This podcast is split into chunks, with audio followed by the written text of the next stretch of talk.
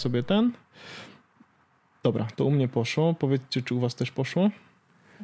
Tak jest. U mnie też poszło. Dobra, dobra. No dobra. To witam cię serdecznie Wojtku. 339, odcinek 339 Jezus Podcastu. E, odcinek wspaniały, nawet już nie nagrany, ale ja już wiem, że taki będzie. E, odcinek wyjątkowy, a, a, to z wielu powodów. E, chociażby dlatego, że jest realizowany we współpracy z Fibaro. To jest jakby pierwszy powód. Drugi jest taki, że mamy gościa, co jest dość wyjątkową rzeczą, bo dawno nam się gościa mieć nie zdarzyło w podcaście. To prawda, ale jest to gość zapowiedziany. Zapowiedziany gość specjalny, gość ekspert, specjalista. Nie wiem, które było tym lepszym stwierdzeniem, ale ekspert, specjalista myślę, że pasuje idealnie. E, I tym gościem jest Krystian. E, Krystian Bergman z Fibaro. Cześć Krystian. Cześć, cześć, witam was serdecznie. Dzień dobry, dobry wieczór. Tak, i Krystian jest naszym ekspertem i będziemy go stawiali teraz pod ścianą i zadawali mu bardzo dużo niewygodnych pytań. E, taki jest plan. Mam nadzieję, że wszyscy o tym wiemy, że taki jest plan. Czy tylko ja? Okej, okej, okej. Bardzo się cieszę. Tak. E, nie, a, tak, a tak na serio, e, no, zapowiedzieliśmy w poprzednim odcinku mm, właściwie dwie rzeczy. Pierwsza rzecz jest taka, że e, zrobiliśmy konkurs, ale do tego przejdziemy w, jakby w dalszej części programu.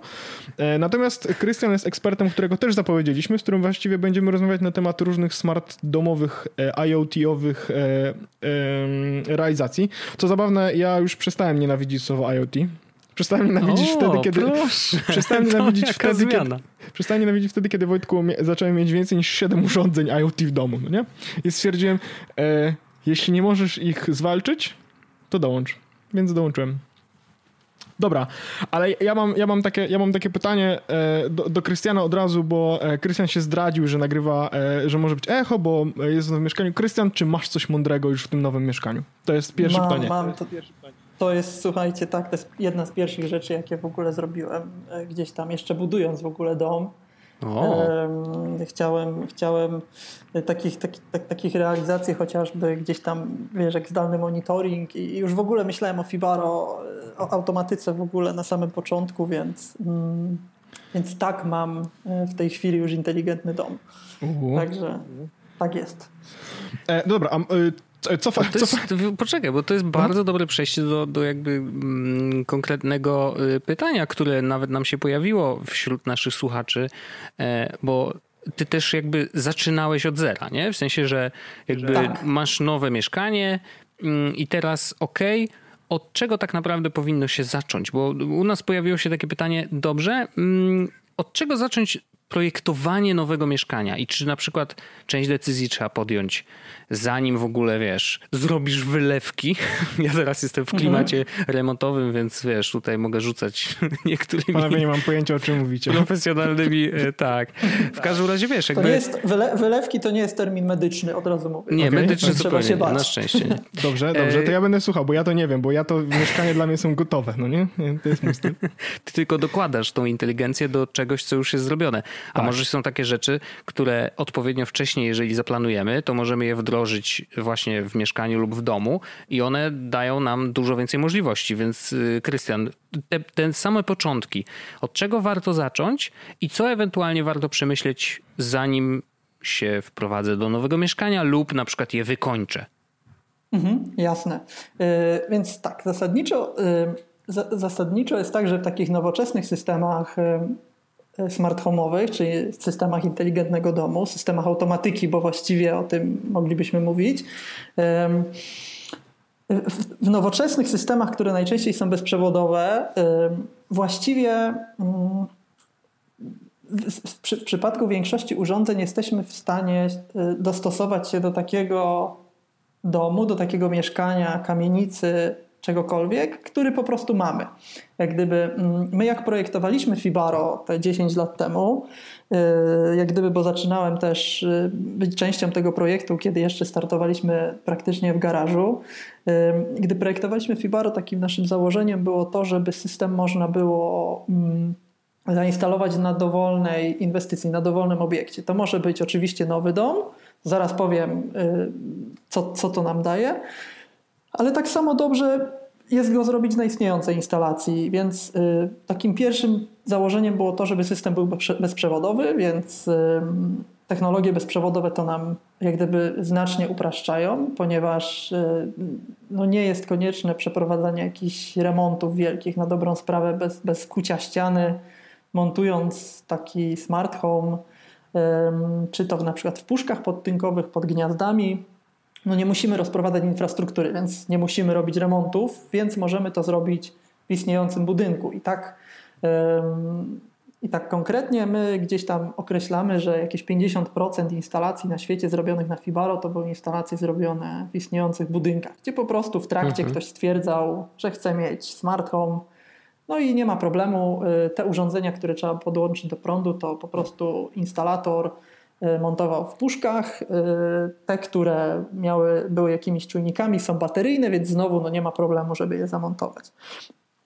Co jest w takiej opozycji no, do tradycyjnych, bym powiedział, takich trochę oldschoolowych systemów automatyki, gdzie jednak cała transmisja szła przewodowo, była jakaś magistrala w ścianie, i w większości przypadków no, y, taki montaż był tylko możliwy na etapie y, budowy domu właściwie, mhm. Y, czy, tam, czy tam jakiegoś mieszkania. Takie systemy najczęściej wtedy się robiło raczej w domach lub w jakichś tam większych, no powiedzmy, apartamentach. To też nie, niekoniecznie takich apartamentach, jak teraz mamy 20-metrowe apartamenty, tylko raczej takie apartamenty 200 metrów albo jeszcze jedno zero. Nie? Do... Czuję się dotknięty jakoś personalnie, jeszcze nie wiem dlaczego, ale okej. Okay. Ty mieszkasz w willi, 50 ja metrów to już jest willa. A no tak, tak, tak, tak, tak. Dokładnie, dokładnie. Więc y, w takiej willi 50-metrowej jak najbardziej też można zrobić fajny system, nie trzeba do tego kuć ścian. Y, I teraz y, jak gdyby kiedy warto to zrobić? No, właściwie w dowolnym momencie. Tak jak już powiedziałem, to mogą być nowe instalacje, to mogą być instalacje istniejące, nie ma problemu. Nawet takie instalacje typu stuletnie, jakieś kamienice e, lub starsze, tam też można system zainstalować e, i nie ma ku temu przeciwwskazań. Wiadomo, że mm, gdzieś tam robiąc remont w mieszkaniu, czy w ogóle już budując dom, jest trochę łatwiej, ponieważ można pewne rzeczy przewidzieć na samym początku mm, instalacji, chociażby takie trywialne rzeczy dla instalatorów, jak na przykład trochę głębsze puszki instalacyjne. Wtedy łatwiej nam powiedzmy tę automatykę zainstalować. Po prostu instalator ma mniej roboty. Mhm. E, pewne obwody można przewidzieć, wiesz, tak jak na przykład e, chcesz mieć sterowanie na przykład ogrzewaniem podłogowym, e, to możesz też fajnie sobie już wtedy przewidzieć jakieś tam dodatkowe elementy. Głównie chodzi o te, o te, o te elementy, które mimo bezprzewodowości systemu i tak gdzieś tam muszą być po kablu, no bo do lampy trzeba jednak ten kabel doprowadzić, więc jak gdyby tak podsumowując, mm, właściwie można zainstalować taki system bezprzewodowy jak Fibaro na każdej instalacji, natomiast y, w mieszkaniu, y, natomiast robiąc go na etapie projektu jest powiedzmy trochę łatwiej i trochę szybciej pewne rzeczy przewidzieć. Ale są też dwie strony medalu, bo z drugiej strony mm, nie trzeba przewidywać od razu wszystkiego. Y, to też gdzieś tam było takie nasze założenie, projektując to rozwiązanie, żeby mm, Fibaro było modułowe. To znaczy, że często na etapie budowy domu, czy często na etapie wykańczania mieszkania nie wiesz jeszcze tak naprawdę, y, gdzie będą poszczególne lampy, gdzie co będzie. Mhm. Starasz się ogarnąć maksymalnie, wiesz, wszystko przewidzieć, no ale to jest niewykonalne ogólnie. Prawda, tam no nie jesteś w stanie wszystkiego przewidzieć, więc nie musisz mieć jakichś y, super fancy projektów teraz elektrycznych, które założą wszystkie Twoje możliwe scenariusze życia w domu za 3-5 lat i tak dalej tylko y, rozbudowujesz sobie system modułowo, czyli możesz wystartować z jakimiś prostymi funkcjami typu sterowanie roletami, sterowanie oświetleniem, jakieś tam, nie wiem, proste ogrzewanie, a potem w zależności, w trakcie tego, jak będziesz w tym domu czy w mieszkaniu mieszkał, ono też będzie razem z tobą w pewien sposób ewoluować i twoje smart systemy, te urządzenia, które masz w domu też w jakiś sposób ewolu ewoluują. Pojawiają mhm. się nowe produkty na rynku, jakieś czasami nowe gadżety, nowe rozwiązania i, i chodzi teraz o to, żeby ten system gdzieś rozwijał się razem z tobą. E, więc e, założyliśmy, żeby, żeby rozwiązanie było na maksa modułowe, więc też wybraliśmy technologię, która nam to umożliwia. I znowu bezprzewodówka. My akurat wy, wy, wybraliśmy technologię Z-Wave jako technologię radiową do komunikacji protokół, więc możemy kolejne klocki sobie nadbudowywać w domu. Trochę tak jak w systemie Wi-Fi na przykład, czyli że jak gdyby startujemy sobie, nie wiem, z jednym, dwoma urządzeniami Wi-Fi w domu i potem dokładamy sobie kolejne odbiorniki, czyli pitery mhm. gdzieś tam w miarę jak ten system się rozwija. Ja w ogóle Właśnie to... chciałem podpytać jeszcze o to. Przepraszam, że, że tak się wtykam, ale poruszyłeś, że Fibaro działa na Z-Wave'ie. E, tak. I on, czy, bo ostatnio się tego nauczyłem, e, to mm, jeden z naszych słuchaczy zresztą mi e, zwrócił uwagę na to, że jak buduje się inteligentny dom, to jakby w zależności od tego, jaki system sobie wybierzemy, to ja na przykład docelowo myślałem o tym, a no to zrobię sobie wszystko na Wi-Fi. Nie, że jakby będę podłączał wszystkie urządzenia na Wi-Fi, ale zostałem wyprowadzony z błędu, że to nie jest najlepszy pomysł, bo po prostu po pierwsze, wiadomo, że teoretycznie Wi-Fi chcesz mieć zasięg wszędzie, więc dbasz o to, żeby w każdym zakątku mieszkania to Wi-Fi było, więc to jest ten niby plus, to, to moje obejście całego problemu, ale z drugiej strony, jeżeli będzie bardzo dużo urządzeń podpiętych wszystkich do Wi-Fi, to po prostu prostu router może tego nie wytrzymać. Więc przejście na te centralki, które już dalej jakby komunikują się z poszczególnymi urządzeniami, jest lepszym rozwiązaniem, no bo centralka jest jedynym urządzeniem, które do Wi-Fi jest podłączone, a sama zajmuje się już komunikacją z innymi urządzeniami. Plus jeszcze dowiedziałem się, akurat w przypadku Zigbee, i teraz będzie moje pytanie, czy Z-Wave tak samo działa, że niektóre urządzenia Zigbee e, te, które są podłączone na stałe do prądu, najczęściej też są repeaterami. Znaczy, że dalej rozsyłają ten sygnał, nie? Więc jakby ten problem to ja dostępności... że tak jest. A, widzisz. Mhm. No właśnie, więc tu, tu, tu zostałem wyprowadzony z błędu. Rozumiem, że Z-Wave działa tak samo jak Zigbee w tym, w tak, tym zakresie. Tak. Mhm. Do, dokładnie, dokładnie jest tak, jak mówisz. Mm, temat w ogóle technologii, technologii radiowych to jest w ogóle... Yy, mega, mega szerokie zagadnienie, yy, wręcz nauka sama w sobie. Możecie to sobie jak gdyby wyobrazić. Takie dwie technologie, z którymi my się naj... trzy technologie radiowe, z którymi my się na, na, na co dzień stykamy, no to jest oczywiście Wi-Fi, Bluetooth i powiedzmy gdzieś tam transmisja telefonii komórkowej, jakieś tam LTE, teraz 5G powiedzmy, tak? Mhm. Natomiast y, rzeczywiście w, w świecie automatyki tych technologii jest trochę więcej. One mają też spełniać nieco inne funkcje niż takie technologie radiowe, które, które y, my kojarzymy na co dzień. I teraz y, na logikę ktoś by mógł powiedzieć, i, i w sumie Twoje myślenie było jak najbardziej prawidłowe, że y, po co mi jeszcze jedna technologia radiowa w domu, skoro i tak wszędzie jest Wi-Fi. Mhm. No dokładnie. No, dokładnie. tak, natomiast i rzeczywiście mm, to myślenie nie jest pozbawione sensu, natomiast niestety są pewne jeszcze ograniczenia technologiczne, które cały czas mamy. Y, I teraz y, pierwsza rzecz jest taka, y, że mm, technologie Wi-Fi tak naprawdę, znaczy technologie automatyki budynkowej smart home'u były tworzone jeszcze w latach, kiedy może niekoniecznie Wi-Fi raczkowało, ale nie było jeszcze tak rozpowszechnione i tak gdzieś tam efektywne jak w tym momencie. I Wi-Fi zasadniczo jako technologia była projektowana do przesyłania dużych pakietów danych bardzo szybko, jak najszybciej duże ilości danych, mhm. co niesie za sobą e, konsekwencje energetyczne przesyłania tych danych. Konkretnie chodzi o to, że e, inteligentny dom to nie tylko urządzenia podłączone na stałe do prądu, jak zauważyłeś, ale też urządzenia bateryjne. I tutaj w tej kwestii Wi-Fi jak zapewne wiecie, nie jest jeszcze do końca tak, e, nie performuje jeszcze tak dobrze. Możecie sobie wyobrazić, że w technologiach bezprzewodowych, w automatyce, no stosuje się miniaturowe baterie, czujniki mają, czujniki są wielkości kilku centymetrów, tam są miniaturowe baterie i na tych bateriach urządzenia mogą pracować nawet kilka lat. W tej mhm. chwili Z-Wave pokazał nową wersję technologii, gdzie bateria e, gdzie małe baterie mogą pracować nawet do 10 lat na jednym urządzeniu. Wow.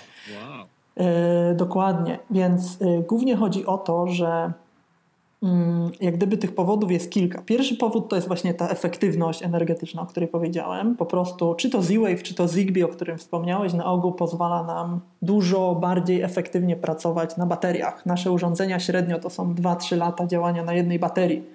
E, więc to jest pierwsza rzecz. Druga rzecz jest y, taka, że mm, jest ten routing, o którym ty powiedziałeś, czyli każde stałoprądowe urządzenie jest routerem sygnału i przekazuje ten sygnał do kolejnego urządzenia. Mhm. To nam daje fajny performance w sytuacji, kiedy gdzieś tam na instalacjach tego zasięgu zaczyna brakować. Kolejnym powodem, trochę bardziej technicznie mówiąc, jest częstotliwość w ogóle samego, samego Wi-Fi. Mianowicie mm, Wi-Fi w większości przypadków działa na 2,4 GHz albo na 5 GHz w tej mhm. chwili. Jak wiecie, to pasmo 2,4 ono już jest trochę mocno no, mocno zapchane. Wie o tym każdy, kto próbował jakimś tam, czy to na targach e, odpalić Wi-Fi, czy to w jakimś dużym skupisku gdzieś tam w bloku. Każdy i, i sytuacja jest taka, że każdy ma pełen zasięg Wi-Fi, a nie ma na przykład dostępu do internetu, bo po prostu zakłócenia w sieci są już tak duże, dlatego z Wi-Fi ucieka się na te częstotliwości powyżej 5 GHz. I teraz wykorzystanie E, tej częstotliwości 2,4 czy 5 GHz niesie ze sobą niestety z fizyki już pewne ograniczenia w zasięgu. To wynika z długości fali. To jest taka fala, która ma lepszy performance gdzieś tam w zamkniętych pomieszczeniach, ale ona ma gorszy zasięg.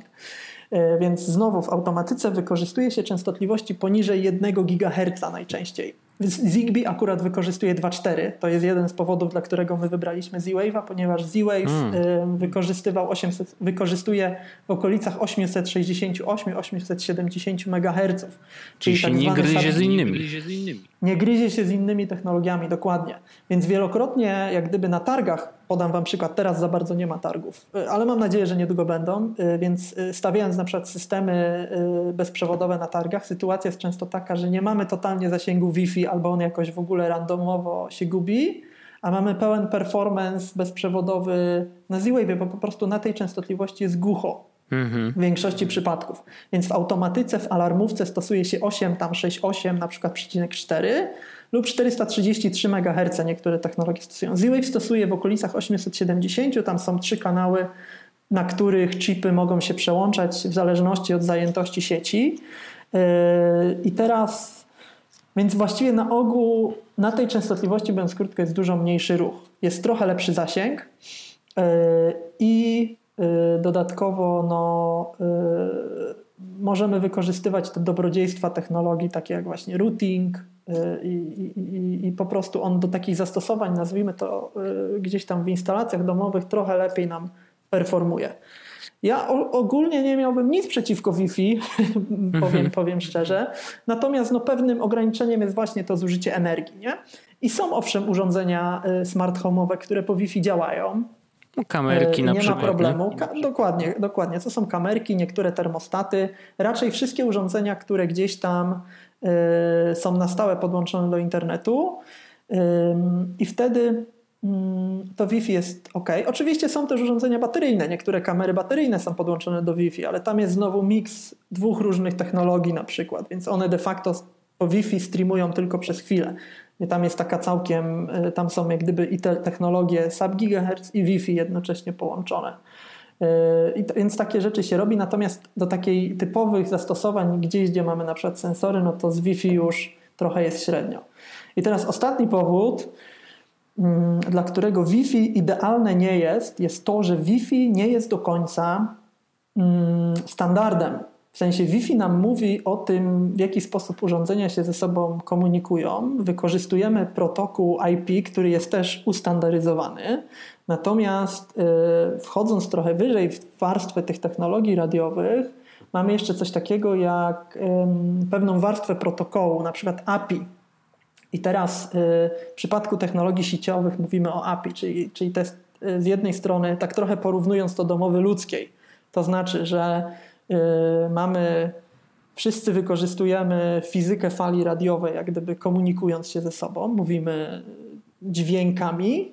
Mhm. Dodatkowo jest protokołem, jak gdyby ta mowa ludzka, czyli to, co w tej chwili y, Czyli oprócz tego, że wydajemy z siebie dźwięki, to one są w pewien sposób złożone, sklastrowane tak jak dźwięki języka ludzkiego, ale to, że mówimy wykorzystujemy mowę ludzką, to wcale nie oznacza, że się będziemy rozumieć, bo są jeszcze różne języki. Mhm. I podobnie jest w technologiach y, w ogóle komunikacji, to znaczy, że mogą być dwa różne urządzenia komunikujące się po Wi-Fi, jeżeli one nie będą miały wspólnego API, nie będą w jakiś sposób zintegrowane, to one się nie będą rozumieć. I to jest jak gdyby kolejny minus, i, i, i to jest powód, dla którego my tam te 10 lat temu, testując kilkadziesiąt różnych technologii radiowych, zdecydowaliśmy się wtedy na Z-Wave'a, bo po prostu on był ustandaryzowany od A do Z. Czyli z jednej strony yy, częstotliwość była taka sama, ta warstwa radiowa, ta, ta, modulacja była taka sama, ale też urządzenia, wiedzieliśmy, że dowolne urządzenie typu na przykład czujnik dymu, wysyłając ramkę alarmową, ona niezależnie od producenta zawsze będzie taka sama. Mhm. Dlatego, y, czyli jest ta kwestia standaryzacji. To jest szalenie ważne w ogóle w IoT. Jest też chyba największym wyzwaniem tej technologii. I właśnie chodzi o to, że teraz niezależnie od producenta w Z-Wave tych producentów podaję, że jest chyba około tysiąca, może nawet więcej. Urządzeń już jest pewnie grubo powyżej 3000, wzajemnie kompatybilnych, czyli wybierając teraz, możesz wybrać urządzenie Fibaro, na przykład centralę, tam wall pluga i door window sensora na przykład, ale jeżeli wybierzesz do tego jakiś zamek na przykład, na przykład jakiegoś Danaloka, czy jakiś czujnik jakości powietrza, czy okna Fakro, yy, to nie ma problemu, one też będą się razem ze sobą komunikować, bo po prostu są w pełni zintegrowane. Także tych powodów, tych powodów, jak widzisz, jest kilka. Mhm. Ja mam, ja mam, ja chciałem coś dopowiedzieć do tematu sprzed e, 10 minut, e, bo ja chciałem tylko powiedzieć, że e, odnośnie tego, e, kiedy warto z, zacząć robić jakieś takie, e, myśleć o, o, o mądrym domu, no nie? No to ja chciałem tylko dopowiedzieć, że mm, faktycznie jak warto też myśleć, może, może nawet lepiej jest myśleć trochę o tym, że będzie się chciało mieć mądry dom bez konkretnej jeszcze instalacji, bo ja na przykład yy, założyłem, że no przecież wszystkie żarówki mogą, powinny być mądre, nie? W sensie wszystkie będą mądre, przydatne i mam na przykład teraz cztery żarówki, których nie uruchomiłem od nie wiem kiedy, bo dopiero yy, jak zacząłem mieszkać w tym mieszkaniu i żyć w nim tak naprawdę, to zorientowałem się, że na przykład w biurze, w którym teraz jestem, takiego dużego światła nie zapalam w ogóle. Mhm.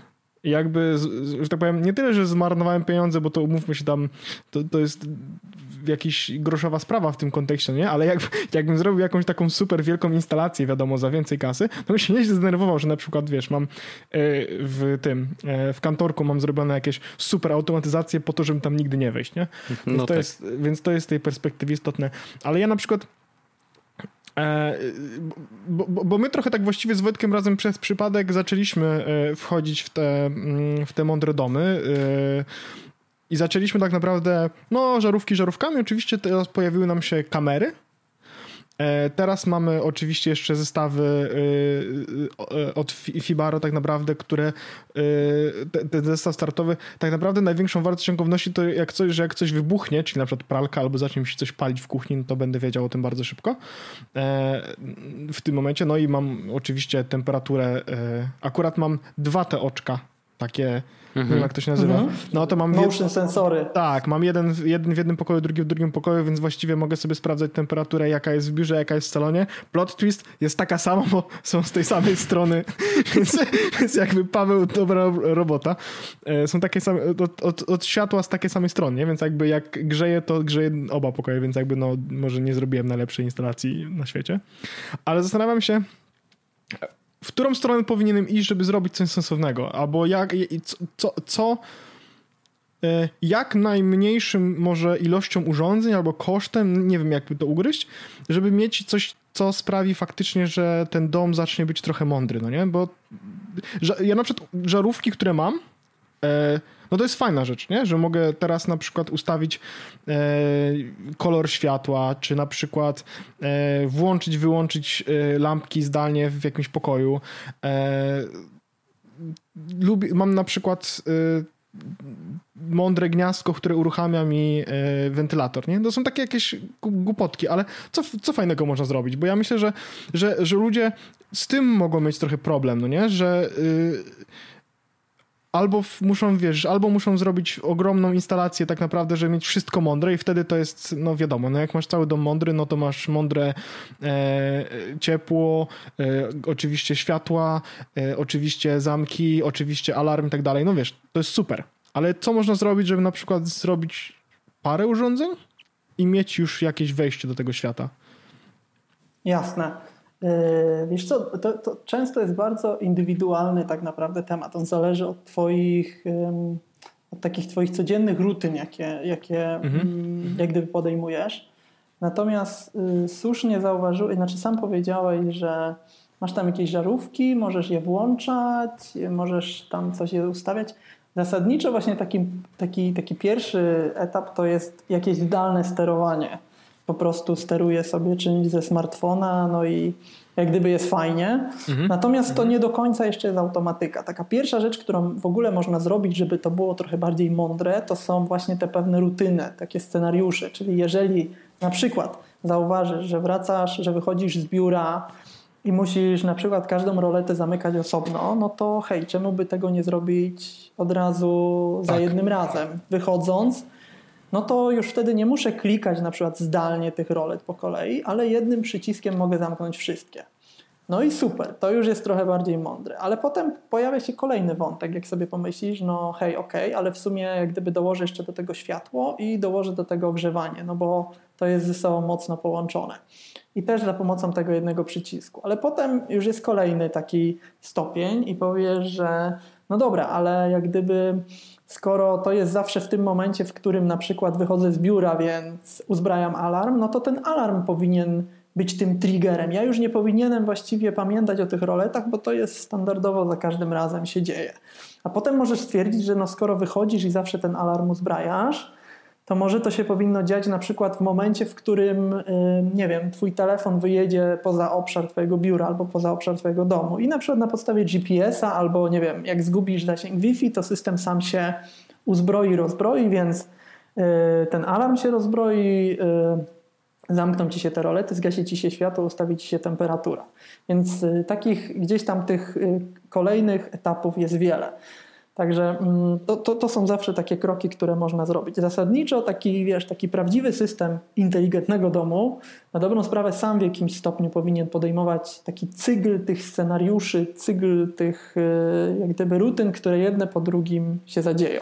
No właśnie ja kurczę, to jest chyba mój problem, bo ja mam tak naprawdę, mówię, no mam mądre oświetlenie prawie w całym domu, e, ale nie mam żadnych automatyzacji na przykład, mm -hmm, żadnych mm -hmm, rutyn mm -hmm. i nawet nie do końca... Czyli masz trochę taki zdalny dom, zdalny, tak, zdalny sterowany dom. Absolutnie, tak, mam zdalny dom. Faktycznie jest tak, że mogę, e, e, zapomniałem wyłączyć światło, no to widzę w telefonie, że mam zapalone światło, więc mogę je wyłączyć, wiesz, będąc poza domem, ale nie jest to zautomatyzowane, że jak wyjdę z domu, to automatycznie wyłączy mi światło, co tak naprawdę powinno się wydarzyć raczej niż to, że ja mogę sobie wyłączyć światło, jak sobie o tym przypomnę. Wiesz, o co chodzi, nie? E, ale nawet nawet nie do końca wiem, gdzie zacząć. Jak, jak, jak zacząć? Gdybym, gdybym chciał. Czy, czy na przykład jest jakieś coś, co powinienem robić? Nie wiem, zapisywać sobie, co robię co rano, albo co robię w jakichś konkretnych, wyznaczonych godzinach? Czy po prostu, e, czy jest jakieś miejsce, gdzie mogę przeczytać ludziach, którzy to robią a, i, i wtedy wpaść na pomysł? Albo jest jakaś biblioteka takich rutyn? Nie wiem. Jasne. E, wiesz co, tak. Znaczy, no, pierwsza rzecz to po prostu jak gdyby warto jest... Pierwsza rzecz to no, trzeba to poznać po sobie po prostu. To jest właśnie ten powód, dla którego warto w takim domu trochę pomieszkać i samemu e, zrozumieć, samemu zobaczyć, jakie te gdzieś tam jednak e, rutyny e, są i, i trochę wyczuć samemu. To jest pierwsza rzecz. Jak chcesz poszukać inspiracji, no to tutaj jeśli chodzi akurat o Fibaro, no to mamy dość sporo materiałów na naszych stronach internetowych. Mamy też taki serwis, który się nazywa Knowledge Base e, i tam e, pewne inspiracje mm, czy sposoby ich wykonania e, również znajdziesz. Dla części użytkowników, którzy nie robią tego smart home'u sami, bo gdzieś tam, mm, ty wspominałeś, że samemu to gdzieś tam zamontowałeś te żarówki, e, jednak tak, takim źródłem wiedzy jest też profesjonalista, instalator, który jednak taki system wykona. Mhm. Pamiętajmy, że mamy takie dwa fronty, jeśli chodzi o, o rynek smart home'owy. No może niekoniecznie front, ale takie dwa trendy i pierwszy to jest jednak to są te e, systemy, które po prostu klienci tacy nieco bardziej świadomi w ogóle technologii robią sobie samemu a drugi to są systemy, które po prostu są integrowane, są wykonywane przez instalatorów i integratorów. No i takim źródłem wiedzy wtedy jest taki profesjonalista, który trochę powinien pokierować klientem i mu podpowiedzieć. Okej, okay, to to jest, no, to to jest to jest to, co ja często mówię, że warto zapłacić po prostu, żeby ktoś pomyślał za mnie o czym, o tym, czego, o czym ja nawet nie wiem, że mam pomyśleć. No nie? I jakby to jest chyba jeden z tych momentów, w których faktycznie ja powinienem coś takiego zrobić. Na razie, znaczy, wiesz, my jako tak hobbystycznie, czy tacy pasjonaci raczej, nie? Na zasadzie zróbmy sobie coś takiego ciekawego w domu. No Wojtek zrobił fajną... Wojtek, udało ci się zrobić w ogóle tą automatyzację? Chyba udało ci się zrobić tą automatyzację, że tak. jak wchodzisz do pokoju, gdzie e, leży mały człowiek e, w nocy, no to ci zapala lampkę, bo cię znalazła kamerka, jak wychodzisz z pokoju, no to światło gaśnie i to jest fajna rzecz, nie? To faktycznie Tak, jest fajna tak, rzecz. tak, ja mam tak. taką automa... O, to to mam jedną automatyzację. Jak wchodzę do biura, bo teraz w biurze jest jeszcze szafa, w której trzymam rzeczy do prania. I, I mam zrobione tak, że jak wejdę do biura po zachodzie słońca, yy, to zapala mi lampkę, żebym mógł wrzucić rzeczy do tego. Jak wychodzę, to ta lampka gaśnie. I to jest faktycznie jakby spoko rzecz. No ale. To są bardzo- mam bardzo proste mam rzeczy tak wszystkie naprawdę. mądre żarówki, mam dużo czujników, mam dużo, dużo mądrych tych e, listw nawet, no nie? Jakby nic z tym nie robię, oprócz tego, że siedzę na kanapie i sobie klikam na zasadzie, a teraz się włączy wiatrak, a teraz wyłączy. Wiesz co, może, może zacznij też mierzyć, zobacz ile urządzenia tobie zjadają złotówek, e, między innymi przez to, że na O. przykład ich nie wyłączasz, to to będzie też taki trochę dla ciebie trigger, żeby jednak pomyśleć o tym, co możesz zrobić. Ale mogę wam podać przykład. Ja kiedyś miałem takiego case'a, że mm, moja ciocia dostała system w ogóle Fibaro jeszcze parę lat temu od jednego z operatorów telekomunikacyjnych. W tym systemie miała tak naprawdę, on był mega ubogi, bo miał tylko centralę, automatyki i jeden czujnik otwarcia drzwi. Wow, to, to się żachnęli w tym u tego Tak, no operatora. tutaj nie? jak gdyby op- operator trochę się nie popisał, no taki dał w pakiecie gdzieś tam za darmo taki system. Yy, I dla, znaczy my mamy zawsze taką filozofię, że nawet jak robimy różne pakiety, bundle paki, to zawsze się staramy, żeby tam był jakiś element, którym można coś włączyć, wyłączyć, bo już Mhm. wtedy jest jakaś interakcja. No i tak sobie myślę, co można zrobić z tym jednym door window sensorem. I ona wymyśl, i wymyśliliśmy razem takiego use case'a, że na, zamontuje ten system u siebie pod miastem na działce, bo chciałaby wiedzieć, dostawać powiadomienie po prostu, że drzwi zostały otwarte i zamknięte w momencie, w którym właśnie albo jakaś firma remontowa przyjechała, albo przyjechał ogrodnik coś ogarnąć, po prostu tam skosić trawę czy podciąć jakieś rośliny.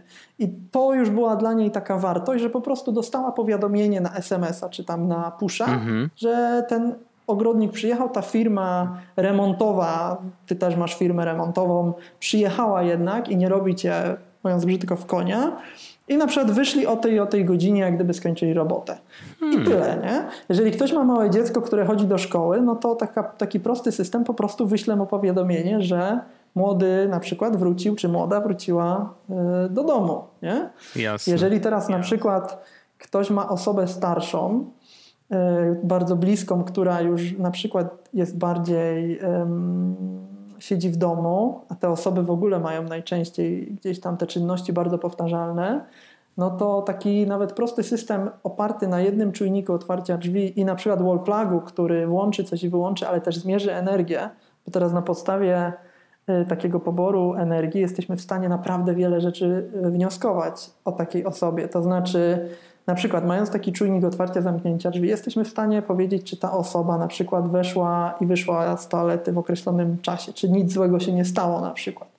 Y, Mając y, wall pluga, jesteśmy w stanie zweryfikować na podstawie na przykład poboru energii, czy yy, na przykład jej telewizor jest włączony i wyłączony o określonej godzinie. Znowu możemy dostać powiadomienie, że wszystko jest ok, albo coś jest nie, nie tak i lepiej to sprawdź na przykład. Czyli widzicie, nawet takie proste systemy mają już jakąś wartość yy, dodaną, nie? Mhm.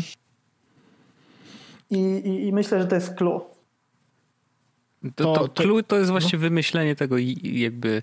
Akurat to jest ciekawe, bo mm, my, my bardzo dużo korzystamy z Twittera, z Orzechem i mm, wydaje mi się, że łatwiej nam jest y, się mm, odnajdywać w ograniczonych narzędziach. To znaczy, że im mniej, przekładając to na inteligentny dom, to im mniej czujników, jakby nie masz za dużo do dyspozycji, na przykład masz dwa, jeden czy trzy, to y, może dużo łatwiej jest podejść do tego kreatywnie i wymyśleć jakieś, y, jakieś automatyzacje, czy właśnie, że powiadomienia, że coś tam jest otwarte, versus versus y, właśnie Cały jak mamy, jest go- tak, że mamy otwarty na- mnóstwo tych czujników, mi milion lampek i teraz weź tutaj coś wykombinuj, nie? Kiedyś było łatwiej, jak nie, było, jak nie było światła na przykład w ogóle, nie? Albo wody w ogóle nie było. I wtedy człowiek jakoś żył, a teraz, teraz mu, się okazuje, że mogę nie dość, że światło, to jeszcze kolory. No, no na przykład, ale widzisz, jeżeli mówicie o tym Twitterze, no to y, z tego co pamiętam jest taka platforma IFTTT, czyli If This Then That. Tak. Y, I tam y, można zintegrować Twittera z dowolnym innym smart urządzeniem, między innymi z Fibaro. Więc jeżeli masz teraz na przykład te smart żarówki albo Fibaro, albo same smart żarówki, jeżeli one są podłączone do IFTTT, to na przykład przy okazji jakiejś aktywności na Twitterze mógłbyś na przykład dostać mrygnięcie. Nie musiałbyś, wiesz, kompulsywnie sprawdzać co chwilę telefonu, tylko mogłoby to być ci zakomunikowane w taki bardziej gdzieś tam e, user-friendly sposób, nie? Czyli, czyli na przykład jakimś mignięciem lampki, może być jakaś muzyka włączyła. Mhm. No tak, ja nawet coś tam kombinowałem z IFTTT. Y, teraz niestety wprowadzili wersję płatną y, i, i, i tych darmowych y, automatyzacji jest tylko trzy dostępnych, więc tak no trochę, trochę ten, trochę mało jak na wiesz, zaawansowanych, ale w Pro z kolei rzeczywiście tam jest dużo, dużo więcej mm, skomplikowanych rzeczy, więc myślę, że, że, że rzeczywiście można się pobawić. Mm, a mówiłeś już o takich bo, bo teraz rozmawialiśmy o takich bardzo prostych, powiedzmy, że łatwych automatyzacjach, rzeczach, które mogą być naszym pierwszym krokiem, ale yy, po drugiej stronie są na pewno jakieś duże rzeczy. I bardzo mnie interesuje, yy, no jednak pracujesz w Fibaro. The craziest. Y, tak, the craziest thing. W sensie naprawdę, co największego udało wam się zrobić i, y, i, i, i co faktycznie taki system jest w stanie ogarnąć w takiej naprawdę makroskali. Mhm. E, no rzeczywiście, e, my, my, my też, my, my, wiesz, jesteśmy głównie też producentem urządzeń, więc paradoksalnie nie, nie, e, jesteśmy oczywiście na instalacjach, ale, ale jednak jest ona wykonywana najczęściej przez naszych instalatorów, natomiast y, gdzieś tam parę realizacji było naprawdę zakręconych. Taką największą w ogóle realizacją, jaka była kiedykolwiek zrobiona na Fibaro, to była to były rezydencje jednego z e, południowoamerykańskich piłkarzy, nie mogę wymienić nazwiska niestety. Mhm. E, to było w Argentynie. I to, była, to, były, to, był, to był zespół rezydencji, gdzie dom miał 4000 metrów kwadratowych, a pod domem było boisko do biegania pod ziemią. Wow, I to okay. było zrobione na Fibaro. W całości tam Fibaro sterowało urządzeniami, sterowało oświetleniem, sterowało barwami światła i to było postawione na 20 centralach automatyki jednocześnie. I to jest, to jest dość dużo. To jest taka chyba największa re, y, realizacja, którą mieliśmy, więc pod domem ta osoba mogła sobie sterować, w ogóle nautomatyzować, jak gdyby wszystko, co się w tym mieszkaniu, mieszkaniu w tych rezydencjach dzieje. Y, z takich, y, z drugiej strony, takich bardzo, bardzo zakręconych rzeczach, no to je, mieliśmy dość sporo realizacji, gdzie na przykład mm, właściciel w ogóle nie chciał mieć w domu żadnych włączników, jeżeli już to miał na przykład panele dotykowe w jakimś tam kilku miejscach, a reszta już miała się dziać totalnie automatycznie. O Jezu, czyli ja taki, chciał coś takiego. Czyli taki prawdziwy smart. To mhm. jest um, jak gdyby, to jest znowu w drugą stronę jak gdyby um, pójście, czyli y, sytuacje, gdzie w ogóle nie masz włączników y, na ścianach. Nie? Na przykład nawet wiesz, fakt, że ktoś otworzy ci skrzynkę pocztową, po prostu dostajesz powiadomienie, hmm. chodzisz do pomieszczenia, nie spodziewasz się tam żadnych przycisków. Nie? W ogóle możesz tylko korzystać z telefonu lub sterujesz głosowo, no bo sterowanie głosowe jest w tej chwili już no, staje się standardem, szczególnie jeśli chodzi o smart home. Potwierdzam, takich, no, wszystko mam mądre na mówienie. Tak, tak. To jest, no i, to, jest, to jest super rzecz, to jest super rzecz. Tak, i to jest też um, taka technologia trochę, która y, w ogóle wprowadza y, urządzenia smart pod strzechy, bo po prostu um, no to jest taki kolejny, kolejny interfejs dla użytkownika, bardzo taki naturalny. I teraz z takich, z takich rzeczy, które jeszcze mieliśmy, które były mocno gdzieś tam mm, zakręcone, no to byli też użytkownicy, którzy na przykład e, był jeden użytkownik, który przez dwa lata sobie tak parametryzował system. Instalator, który mu wykonywał tę instalację, to mówił, że to jest w ogóle wielki zderzacz hadronów. To była jak gdyby ksywa tej instalacji. I on już miał tak sparametryzowane, napisał sobie skrypty do AI samemu, bo można też programować system, że yy, jak gdyby tam chyba, on to kiedyś liczył, dwa lata mu to zajęło, 90 ileś procent w ogóle wszystkich czynności, jakie ktokolwiek kiedykolwiek robił w tym domu, były podejmowane jak gdyby przez sam system, te decyzje, nie? że wiedział ten dom dokładnie w zależności od zmieniających się warunków, jak w ogóle zareagować. Yy, więc takie sytuacje też były. Dla mnie takim jednym z najbardziej zakręconych rzeczy, jakie ja chyba widziałem w karierze, to był facet, którego poznałem, który sobie wszczepił pod, pod skórę mm, tak NFC w formie takiej Mm. pastylki. E, To było za granicą, więc jak gdyby prywatnie jakaś klinika mu to zrealizowała, wszczepił sobie pod skórę ten tag NFC. No i na, na przykład wchodząc do pomieszczenia, wchodząc do domu, dotykał jakiejś przestrzeni gdzieś na ścianie i po prostu uruchamiał jakąś tam sekwencję, nie mając ze sobą nawet żadnych urządzeń, jak gdyby fizycznie. Nie? Mógł sobie uruchamiać takie, Geniusz. e, takie Jak rzeczy. super bohater normalnie, wiesz, wchodzi do tajnego domu, naciska i tylko na jego rękę reagują magiczne drzwi, które się otwierają i coś tam. Ja to widzę, ja to E, widzę. Były, były takie realizacje jeszcze w czasach, kiedy Google Home czy Amazon Alexa nie były jeszcze tak rozpowszechnione, gdzie na przykład ktoś sobie samemu pisał asystenta, mówił do niego Jarvis, tak jak w Iron Manie i on mu sterował domem na przykład, więc tak też było. E, Mieliśmy kiedyś użytkownika, który detektował teściów na przykład. Więc najpierw detektował teściową, no to dom był zablokowany, a jak teściu przyjeżdżał, to dom się otwierał była, Doskonałe. podświet, była podświetlana droga do barku i barek się otwierał i podświetlała się zawartość barku. Nie? Więc zastosowań, zast, zastosowania są, są różne, kosmiczne. Są zastosowania ze zwierzętami, że ktoś monitoruje na przykład zwierzęta, kiedy one wchodzą, wychodzą, y, wysyła sobie powiadomienia. Tak? No, zwierzęta jak gdyby są mega ważne, więc chcemy mieć pewność. Tam załącza na przykład dla kota fontannę, jak on się zbliży, żeby mu nalać wody. Mhm. Dostaje ktoś powiadomienia, że jakieś zwierzę wróciło do domu, albo wyszło, albo gdzieś tam przebywa poza domem. Ktoś kiedyś detektował, pamiętam, mamy taki czujnik float sensor, on detektuje wodę, y, zalanie, więc jak nam, nie wiem, zaleje na przykład y, dom, to zamknie dopływ wody, więc tam te straty są zminimalizowane. Ale on ma też taką funkcję, że detektuje na przykład y, przechyły.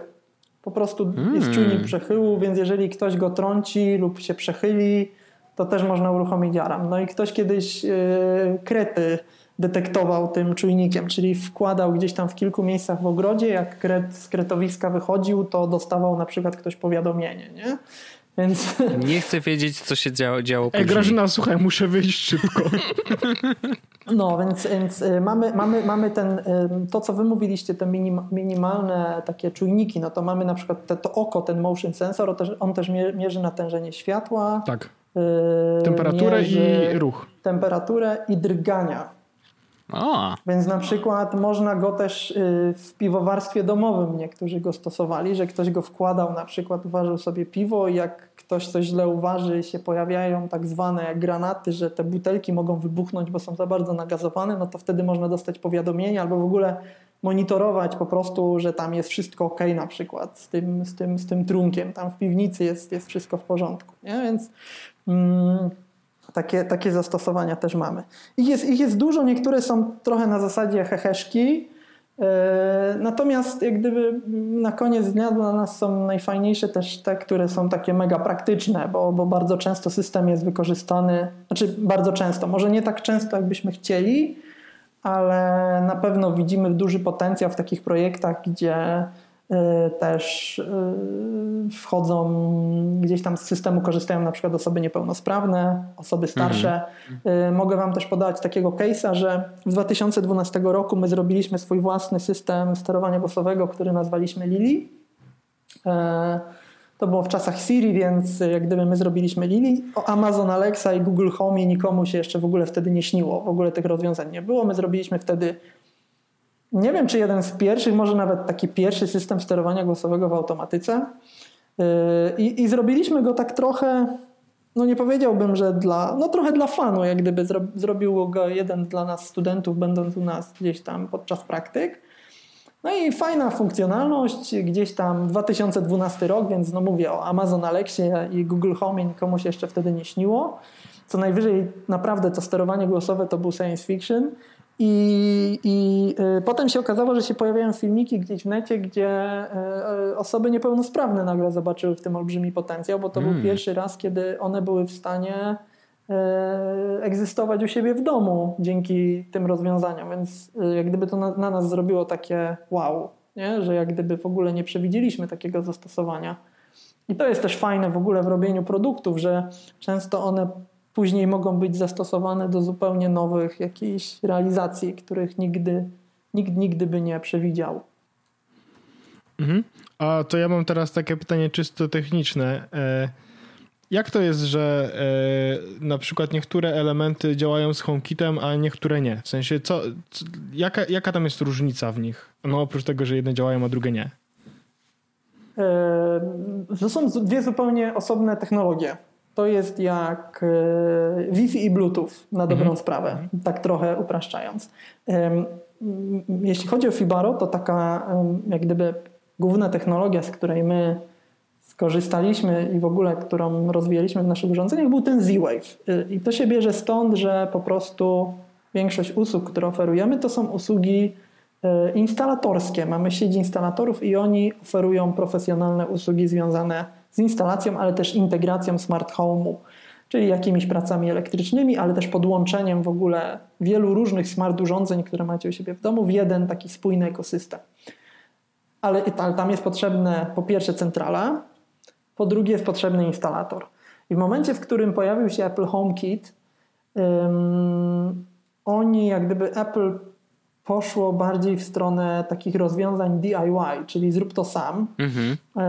Te produkty, które pokazały się w pierwszej kolejności Fibaro podjęło decyzję również jako taki trochę wybieg w przyszłość, zrobienie też, dostosowanie części naszej gamy produktowej do tych właśnie rozwiązań HomeKitowych. Czyli to jest urządzenie, które wygląda tak samo, ale w środku ono wspiera zupełnie inną technologię komunikacji. Chociażby taką, że Z-Wave te, te, te, większość produktów Fibaro wykorzystuje technologię Z-Wave, a sporo większość produktów HomeKitowych wykorzystuje technologię Bluetooth z dodatkowym protokołem i zabezpieczeniami, którymi jest właśnie technologia Apple HomeKit.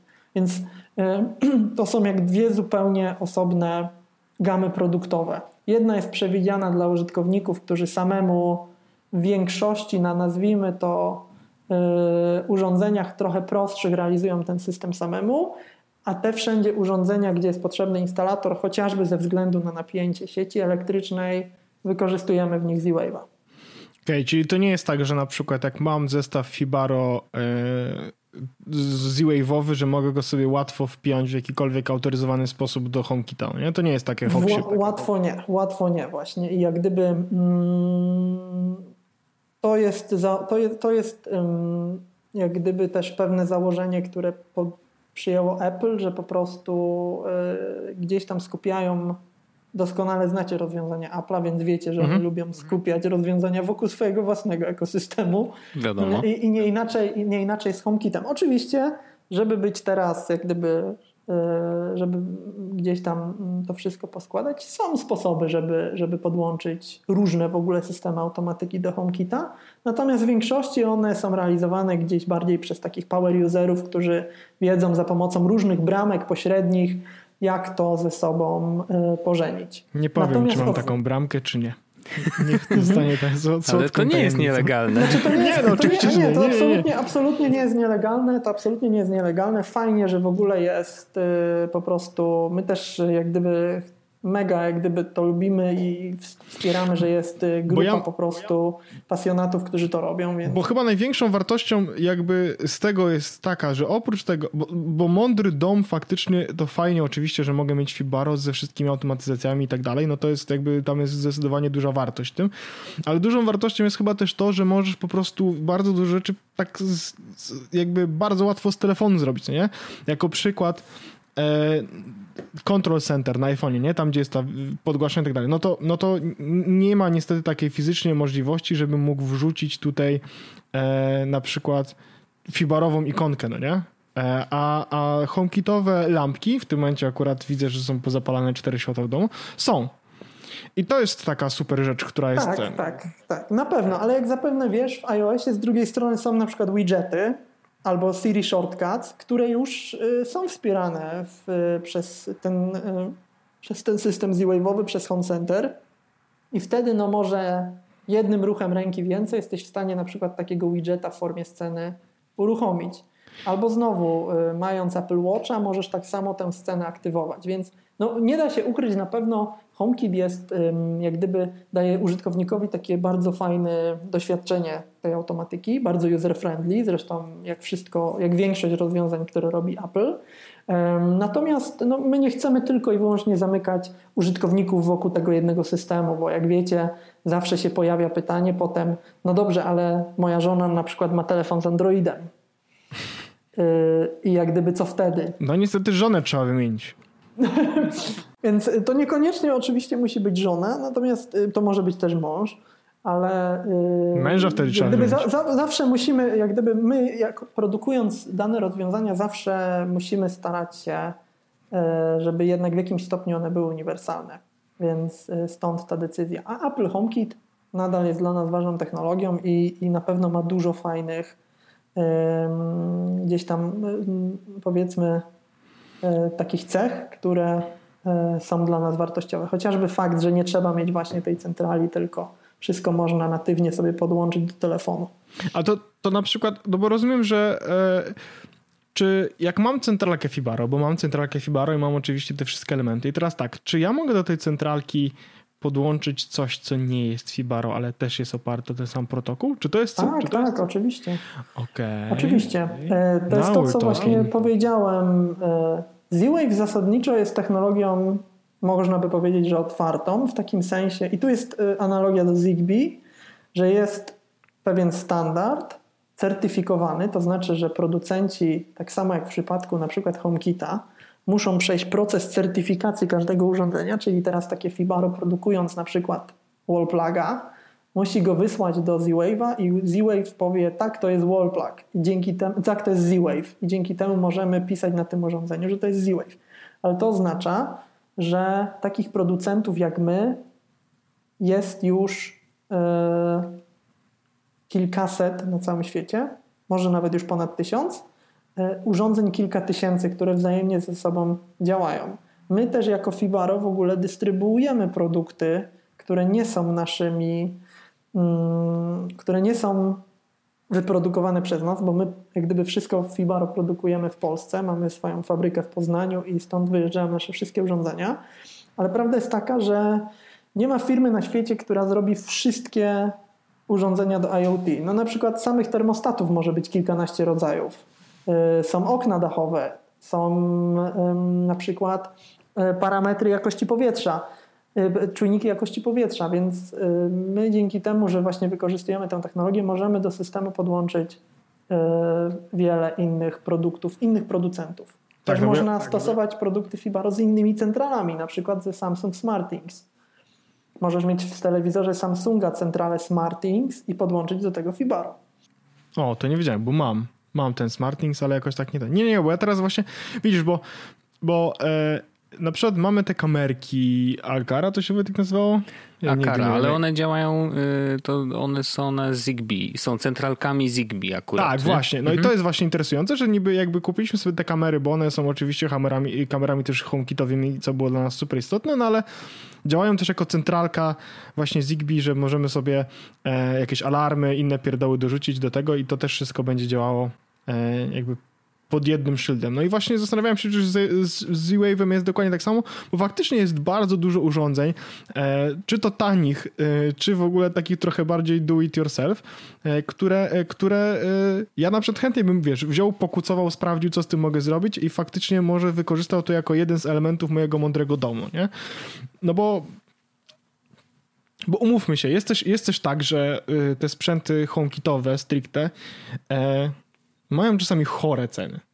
E, a z, z, z y, produkty, czy, czy, to, czy to Fibaro, czy niektóre Z-Wave'owe są wycenione dość, y, powiedziałbym, sensownie. Nie? W sensie to nie jest tak, że y, zamienienie na przykład wszystkich wtyczek w domu na mądre wtyczki nie sprawi, że będę musiał się z niego wyprowadzić, bo nie będzie mnie stać na zapłacenie kolejnego miesiąca. Więc, więc to jest fajne, że nie wiedziałem o tym, że mogę sobie po prostu tak, tak. Z-Wave'owe rzeczy podłączać. Na pewno masz wiele, jeżeli po prostu urządzenie jest oznaczone jako Z-Wave, E, właściwie niezależnie od wersji, bo Z-Wave ma też świetną e, kompatybilność wsteczną. Nawet pierwsze urządzenia Z-Wave'owe e, są, są, są bardzo kompatybilne, działają idealnie, więc dowolne urządzenie, które jest tak oznaczone, możesz wykorzystać razem z Fibaro. To też jest dla mnie nowość, więc w ogóle super, y, super, że to dzisiaj się dowiedziałem w ogóle. No bardzo, bardzo fajnie. A czy możemy, bo jeszcze zostało nam parę minut dosłownie. Ja mam taką, taką myśl, bo mm, Mówi się dużo oczywiście o 5G. Ja lubię tak na koniec, wiesz, o przyszłości pogadać. I czy Fibarel powoduje koronawirusa? Sorry. A propos 5G. Nie, tak. nie, nie. nie, nie ale... byliśmy wcześniej, więc jak gdyby zanim to było modne. No właśnie. E, natomiast y, mówi się o 5G i mówi się o tym, że jakby to będzie troszeczkę nowe otwarcie też dla IoT, ze względu na to, że jakby dużo łatwiej i też yy, mówiłeś o tym, że niektóre urządzenia pracują na bateriach i, i, właśnie 5G ma docelowo oczywiście to nie jest tak, że już za chwilę, ale pewnie, pewnie potrwa jeszcze ze 2-3 lata wdrażanie, budowanie nowych anten, tych mniejszych takich cel, które, które będą wiesz, w, w, w większych miastach i tak dalej.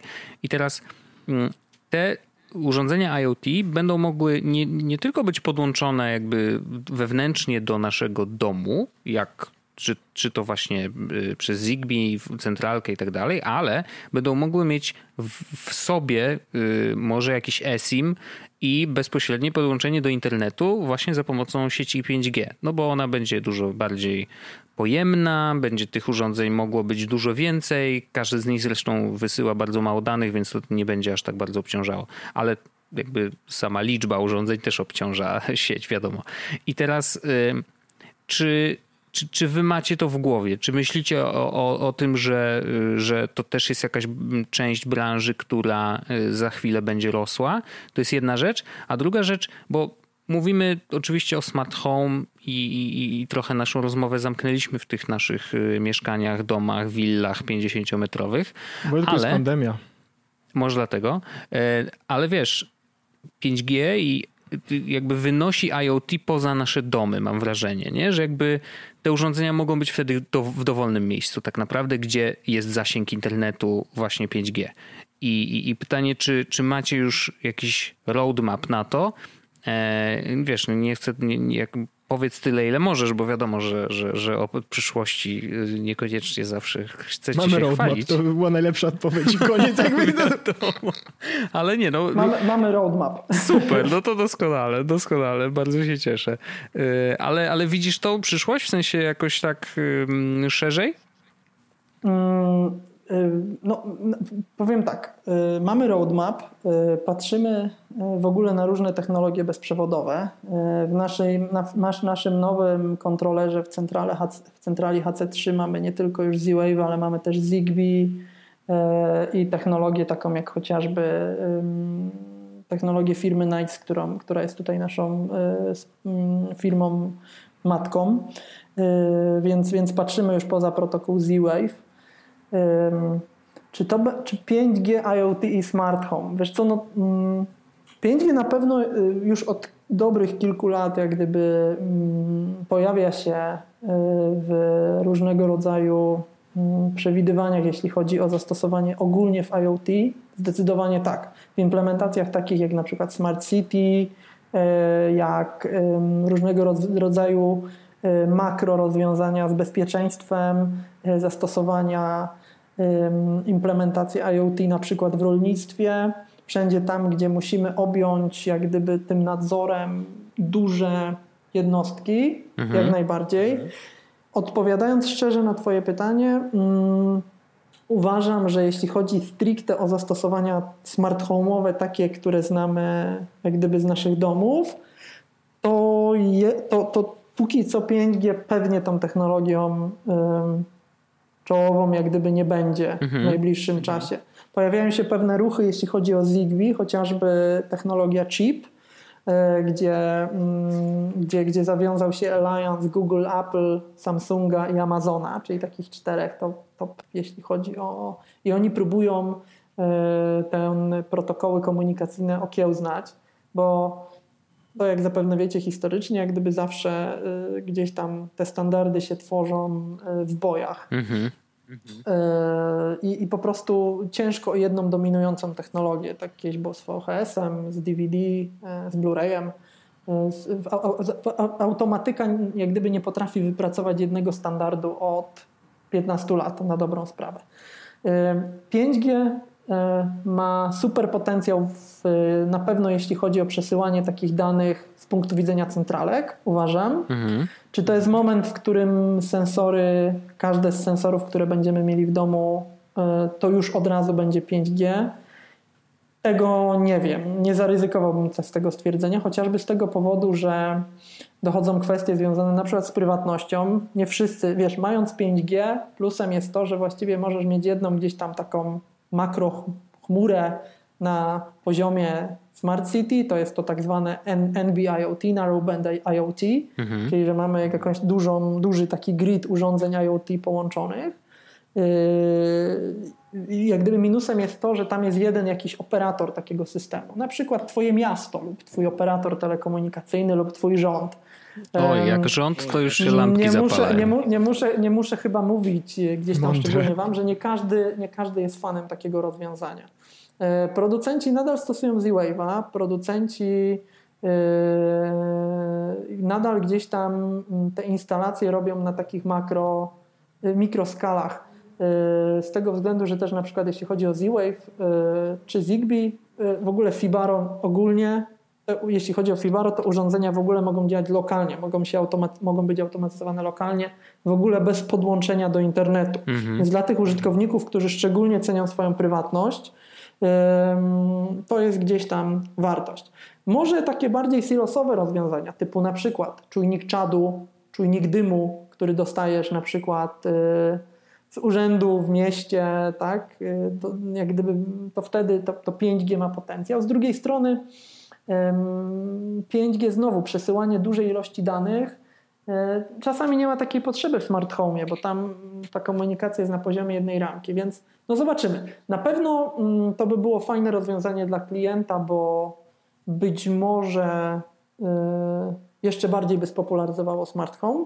Natomiast e, czy to się stanie szybko? Ja osobiście, prywatnie nie zaryzykowałbym powiedzenia tego. Raczej bym mhm. powiedział, że będą pewne ruchy standaryzacyjne bardziej wokół właśnie gdzieś tam rozwiązań typu sub gigahertz, y, czyli y, producenci typu Silicon Labs, y, coś między Zigbee, Z-Wave, Bluetooth może, może w pewnym momencie Wi-Fi niekoniecznie tylko 5G. Wiecie, to jest na takiej samej zasadzie, jeżeli czy przez to, że będziesz miał 5G, zaryzykowałbyś stwierdzenie, że teraz już no, nie będziesz potrzebował Wi-Fi w domu na przykład, w poszczególnych gdzieś tam endpointach. No tak, tak, tak.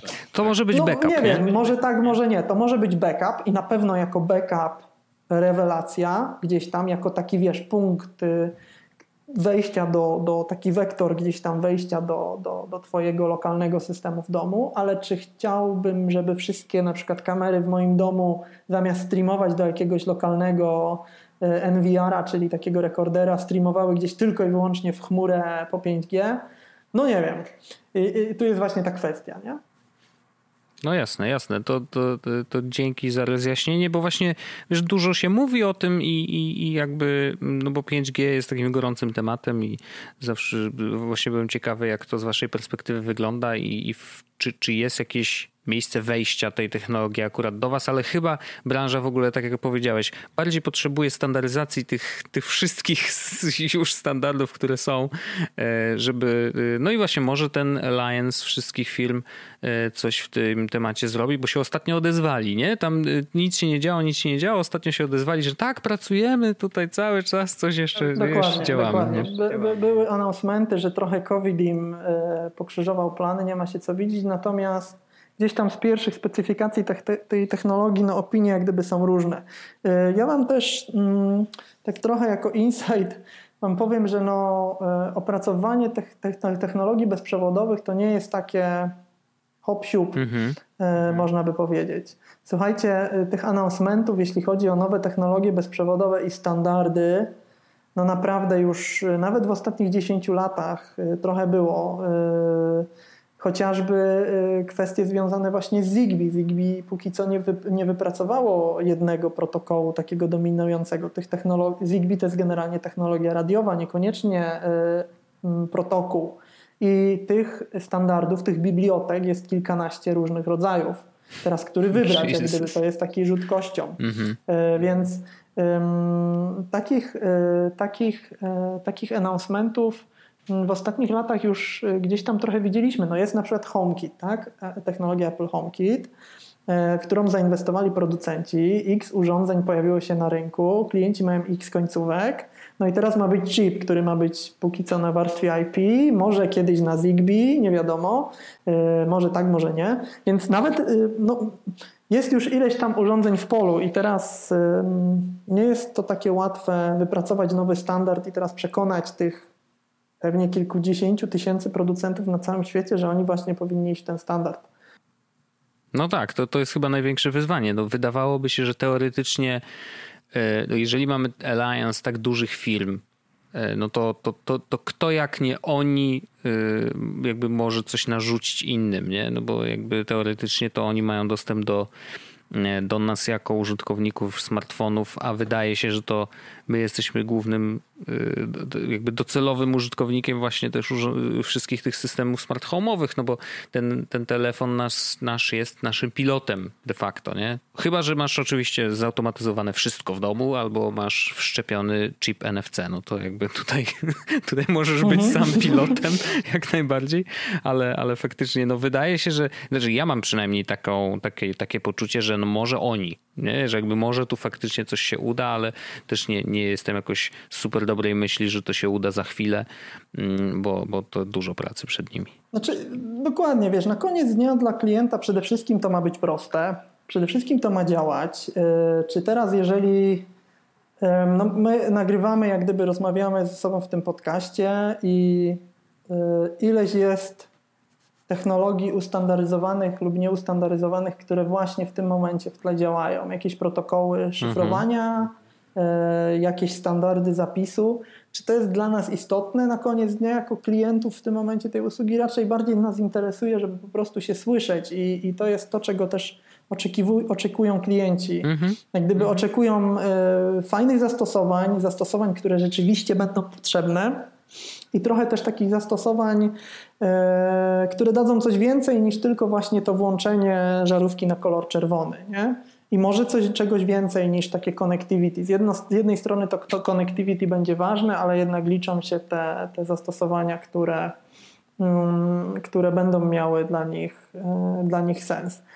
A samo połączenie między urządzeniami no jest już są takie, takie rozwiązania jak IFTTT, coraz więcej producentów ma te swoje pro, programy Works With, więc mm -hmm. no, coraz więcej produktów ze sobą gada i, i, jak gdyby nie ma w tym problemów. A i tak wszystko spina głośnik Google'a, więc czy tam będzie Zigbee, Z-Wave, Bluetooth, Wi-Fi, Enocean, może jakieś 5G, no jak gdyby to już jest myślę dla klienta wtórne i, i też... Um, tak się mówi, że jak gdyby y, ostatnie 10 lat smart home'u to były lata produktów, tworzenia produktów, bo się pojawiły takie rozwiązania jak chociażby Fibaro, ale też takie produkty jak Google Nest, takie, takie rozwiązania, które rzeczywiście wprowadziły ten, tę automatykę budynkową pod strzechy i zrobiły mm -hmm, z mhm, niego mm -hmm. smart home, coś, co już coraz więcej ludzi jak gdyby uznaje i rozumie ale kolejne 10 lat to będzie, y, to będzie dekada ekosystemów, czyli wypracowanie takich y, niekoniecznie dominujących i monopolistycznych, bo z punktu widzenia technologii to by nie było dobre, może nawet jakby był tylko jeden dominujący standard, tylko po prostu rozwiązań, które będą ze sobą działać. Mhm. I tyle. Mhm. Super, znaczy to, to fajna przyszłość przed nami, mam nadzieję. E, niech to wszystko ze sobą gada, bo, bo rzeczywiście dla mnie to ważne jest to, czy jak powiem do Google'a, żeby mi włączył światło w łazience, to żeby się to światło włączyło, nie? Jakby to, to chodzi o to, żeby ta akcja się wydarzyła, a co tam jest pod spodem, to naprawdę jako dla użytkownika nie ma żadnego znaczenia, więc, więc niech, niech, niech to wszystko po prostu ze sobą gada i oby taka przyszłość nas czekała. E, czy my mamy jeszcze jakieś pytanie, Orzeszku? Ja myślę, że myślę, że całkiem e, ładnie e, nie wyczerpaliśmy temat, ale bardzo ładnie przesunęliśmy się po takiej powierzchni, która myślę, że jest interesująca i do tego jakby zachęca do tego, żeby rzucić bardziej okiem do tego świata. Ja myślę, że możemy w ogóle zrobić tak, że mm, zrobimy tak, że w opisie tego odcinka będzie zalinkowany post konkursowy, który wygrał konkurs. Mm. Tak, zróbmy.